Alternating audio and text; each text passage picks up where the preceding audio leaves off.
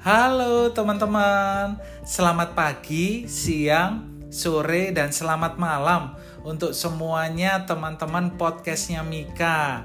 Kita ketemu lagi nih teman-teman, sudah lama nggak ketemu dan nggak ngobrol lagi di podcastnya Mika. Nah di podcast ini kita ketemu di episode ke-17. Di episode ke-17 ini kita akan diskusi tentang sesuatu yang menarik beberapa pertanyaan masuk ke saya menanyakan Kak Mika, gimana sih Kak e, kita ini bisa menjadi produktif atau sebaliknya apa sih tanda-tandanya kita nggak produktif? Sehingga kita bisa tahu, kita bisa antisipasi, bahkan kita bisa manage sebelum segala sesuatunya menjadi tidak produktif dan itu berimpact pada kehidupan kita. Nah, di topik kali ini kita akan coba jawab itu ya, teman-teman ya. Semoga tanda-tanda ini bisa kita ketahui sejak dini sehingga kita bisa menyusun rencana terbaik dan kita bisa memberikan eksekusi-eksekusi terbaik supaya cita-cita atau mimpi kita bisa tercapai dengan sempurna. Jadi, episode ke-17 topik kita hari ini adalah tanda-tanda nggak produktif dalam hidup. Oke, untuk semua teman-teman podcastnya Mika, selamat menikmati, terutama yang sedang di perjalanan atau mungkin yang sedang santai. Semoga ini bisa menjadi inspirasi buat teman-teman semua. Yuk, langsung aja kita mulai. Oke, teman-teman, di episode yang ke-17 ini kita akan ngobrolin tentang segala sesuatunya yang gak produktif. Sehingga paling tidak kita mengetahui ketika tanda-tanda yang tidak menjadikan kita produktif tersebut atau tidak produktif tersebut dalam hidup kita ketahui dan kita bisa memahami, kita bisa menyusun rencana-rencana yang sangat baik sehingga ini tidak perlu terjadi dalam diri kita. Yuk kita langsung mulai aja teman-teman ya. Nomor satu, nomor satu tanda-tanda nggak produktif dalam hidup itu nomor satunya kalau hari ke hari teman-teman berjalan membosankan. Nah, ayo siapa yang pernah mengalami ini? Jadi hari ke hari, Senin ke Selasa ke Rabu sampai ke Jumat dan seterusnya begitu. Rasanya Kak Mika itu membosankan banget. Dari pagi, siang, sore ke malam itu rasanya membosankan sekali. Bahkan tidak jarang membuat akhirnya kita menjadi kelelahan. Nah, teman-teman, jadi ini tanda pertama ketika teman-teman tidak produktif lagi dalam hidup.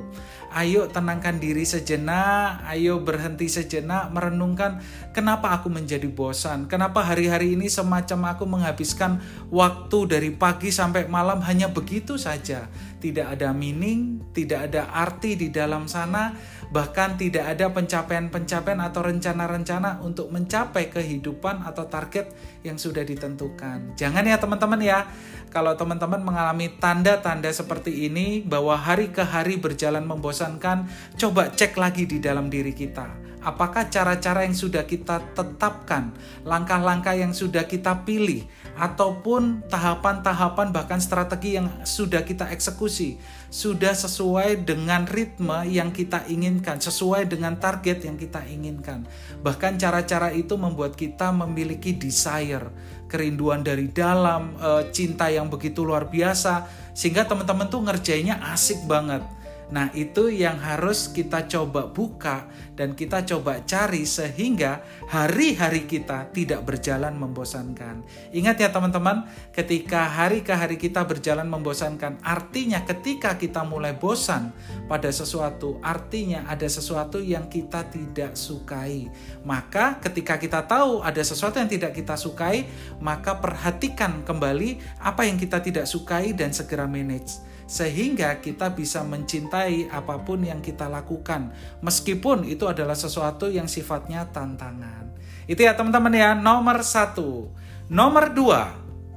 Nomor dua tanda-tanda yang nggak produktif dalam hidup nomor dua itu adalah ini sering banget kita lakukan tapi kadang kita tidak menyadarinya bahwa ini adalah tanda-tanda kita tidak produktif dalam hidup yang nomor dua adalah menghela nafas sedih berkali-kali dalam satu waktu yang dekat. Jadi teman-teman pernah nggak ngerasain bahwa nggak berapa lama teman-teman menghela nafas lagi lebih dalam dan seterusnya begitu. Dan menghela nafas di sini sangat syarat dan dekat dengan perasaan yang sangat sedih perasaan yang sangat terluka, kadang perasaan yang kosong dan juga perasaan yang sangat sangat tidak memiliki arti. Atau bahkan menghela nafas ini adalah bentuk dari ketidakberdayaan diri. Ketika kita melihat satu situasi menghela nafas bukan menafas bukan menghela nafas lega ya teman-teman, tapi menghela nafas yang sifatnya sangat menusuk hati dan itu membuat teman-teman menjadi sedih. Jadi kalau teman-teman menghela nafas sedih berkali-kali dalam satu waktu yang dekat, maka teman-teman memiliki perasaan yang merasa tertekan dan sedih itu terproduksi di dalam diri kita dan itu menjadikan situasinya menjadi nggak nyaman. Teman-teman bahkan menjadi insecure, kadang tidak jarang juga menjadi menyerah di dalam perjuangan atau perjalanan atau setiap eksekusi rencana teman-teman. Jadi teman-teman, kalau menghela nafas sedih ya, teman-teman ya menghela nafas sampai berkali-kali dalam waktu dekat dan itu rasanya sakit banget. Berhenti sejenak, cek kembali. Ada cara-cara apa yang tidak produktif yang harus diubah menjadi jauh lebih produktif lagi. Oke, lanjut nomor tiga Nomor tiga, tanda-tanda nggak produktif dalam hidup. Nomor tiga adalah tidak mendekati sama sekali ke target apa yang kita inginkan. Malah justru sebaliknya, semakin jauh. Jadi yang nomor tiga adalah tidak mendekati target atau langkah-langkah untuk mencapai impian yang sudah kita rencanakan. Malah sebaliknya, semakin jauh dari apa yang teman-teman rencanakan atau apa yang teman-teman cita-citakan. Nah, ini adalah tanda-tanda yang tidak produktif dalam hidup ketika kita melakukan segala sesuatu, kita berjalan menjalani kehidupan ini, bahkan kita menjalani hari-hari kita, tapi kita tidak berarah. Bahkan beberapa kali misalkan kalau kita bertanya dalam diri apa sih yang kulakukan hari ini satu minggu ini satu bulan ini satu tahun ini? Apakah semakin mendekatkan aku pada mimpiku pada cita-citaku pada impianku? Dan ketika jawabannya enggak sama sekali kak. Berhenti sejenak lagi-lagi dan buka diri kita dan mulai tulis apa yang sebenarnya kita lakukan dan apa yang bisa kita perbaiki dan kita lakukan jauh lebih baik untuk semakin mendekatkan ke mimpi dan cita-cita kita. Kenapa? Karena usia kita berjalan bertambah tahun, bertambah tahun, bertambah tahun sehingga kita harus memaksimalkan waktu, menghargai waktu dengan selalu berorientasi pada target apa yang pengen kita capai, cita-cita apa yang pengen kita capai. Tentu saja teman-teman, jangan lupa untuk rest. Rest itu juga merupakan bagian dari target kita untuk beristirahat, untuk merasa tenang, untuk juga mensyukuri bahkan mengucapkan rasa syukur atau merayakan keberhasilan-keberhasilan yang teman-teman sudah bisa capai atau bisa achieve di dalam journey yang teman-teman sudah buat. Itu ya teman-teman ya. Yang nomor tiga, jika tidak mendekati ke target sama sekali, malah sebaliknya semakin menjauh, maka itu tanda-tanda nggak produktif dalam hidup kita. Oke, lanjut ke nomor empat. Nomor empat, nomor empat tanda-tanda nggak produktif dalam hidup adalah males ngerjain apa pun kak dan terjadi terus-menerus kayak gitu. Nah, ini nomor keempat nih teman-teman. Jadi kita memiliki rasa malas yang begitu besar sekali. Begitu, aduh kak, aku malas banget. Aku malas ngerjain ini, aku malas ngerjain itu, aku malas. Atau di pekerjaan di kantor, ayo kamu harus melakukan ini. Aduh, malas banget. Dan seterusnya, dan seterusnya. Dan merasa malas itu terjadi terus-menerus dalam waktu interval yang sangat dekat. Malas itu muncul lagi, malas itu muncul lagi, malas itu muncul lagi. Sampai kita baru menyadari bahwa rasa ini seperti rasa akan mau perang, di mana kita tidak ingin melakukan itu, tapi kita harus melakukan itu. Nah, di sini adalah tanda-tanda yang menjadikan teman-teman tidak produktif dalam hidup, karena rasa malas itu jika tidak dihadapi, tidak dimanage, tidak ditangani segera, maka rasa malas itu akan menjadi beban yang akhirnya akan menjadi stres buat teman-teman. Jadi teman-teman, ketika kita malas itu sebenarnya aspek motivasi kita itu sedang turun atau bahkan menghilang. Nah, aspek motivasi ini yang akan menjadi kunci untuk bagaimana supaya kita tidak malas. Ketika seseorang malas, pasti aspek motivasinya yang terkena dan itu menjadi satu ukuran tersendiri bahwa kenapa aku nggak mau melakukan itu, kenapa aku tidak mau bergerak untuk itu, sehingga perlu effort yang sangat besar untuk mau bergerak, untuk mau mengerjakan, bahkan untuk mau berpikir. Dan outputnya perilaku kita apa? Kak Mika, outputnya adalah pada akhirnya menunda-nunda. Menunda, menunda, menunda hingga ada satu risk atau ada satu resiko yang sangat besar harus kita hadapi dan karena kita menunda pada akhirnya terjadi resiko itu pada akhirnya kita menghadapi satu kata yang kita sebut dengan penyesalan. Dan kalau teman-teman menyesal, udah pasti saudara kembarnya adalah terlambat. Oke ya teman-teman ya, jangan terlambat, jangan menyesal, jangan sampai menunda-nunda, dan ketika ada rasa malas, temukan point of cause-nya apa, dan segera bangkit, segera bangun, segera bertindak, supaya hari-hari kita menjadi jauh lebih produktif. Itu ya teman-teman. Dan yang terakhir, ore, yang terakhir, tanda-tanda nggak produktif dalam hidup nomor 5. Nomor 5 adalah melemahnya ketahanan fisik kita dan psikis kita atau psikologis kita. Nah, ini kunci yang sangat kelihatan banget, teman-teman.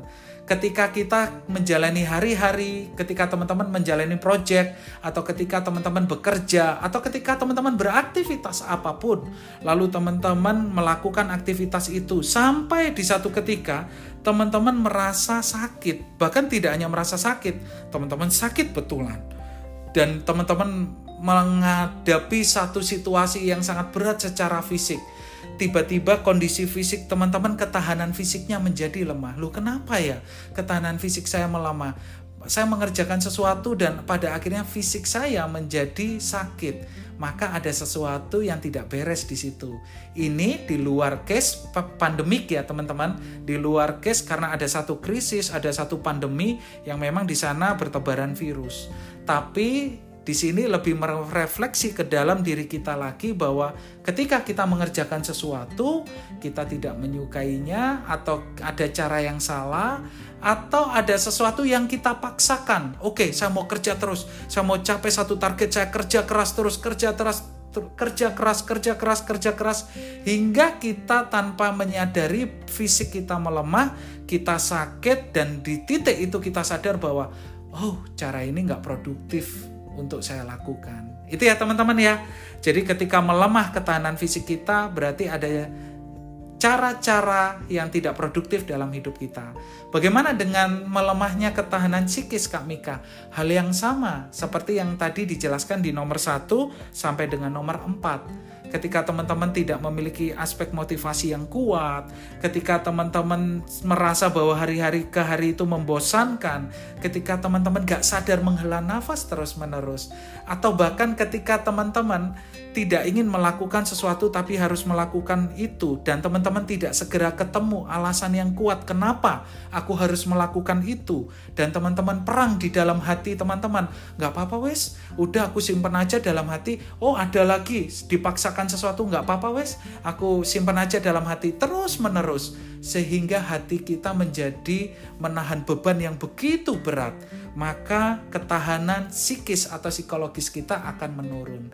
Ingat ya teman-teman, ketahanan psikologis bisa menurun karena ada stresor yang berlipat-lipat yang masuk dalam pikiran persepsi kita, lalu direfleksikan oleh hati kita, sakit, sedih, kecewa, dan kita biarkan begitu saja sehingga kita melakukannya sebenarnya kita menjadi tidak produktif di dalam hidup kita karena pada akhirnya kita mengalami stres atau bahkan depresi di dalam itu. Oke, teman-teman ya.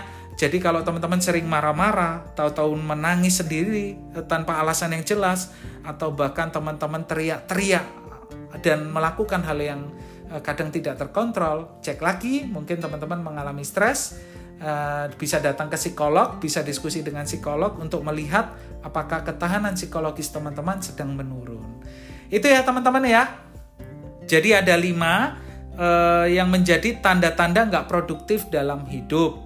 Semoga ini bermanfaat buat teman-teman semua. Kalau teman-teman merasakan hari ke hari berjalan membosankan, menghela nafas berkali-kali, semakin tidak mendekati ke target tapi sebaliknya semakin menjauh dan teman-teman malas ngerjain apa pun dan itu terjadi terus-menerus atau teman-teman merasakan bahwa ah ketahanan fisikku mulai melemah, ketahanan psikisku mulai melemah, maka itu adalah tanda-tanda tidak produktif yang berjalan atau yang terjadi dalam hidup kita.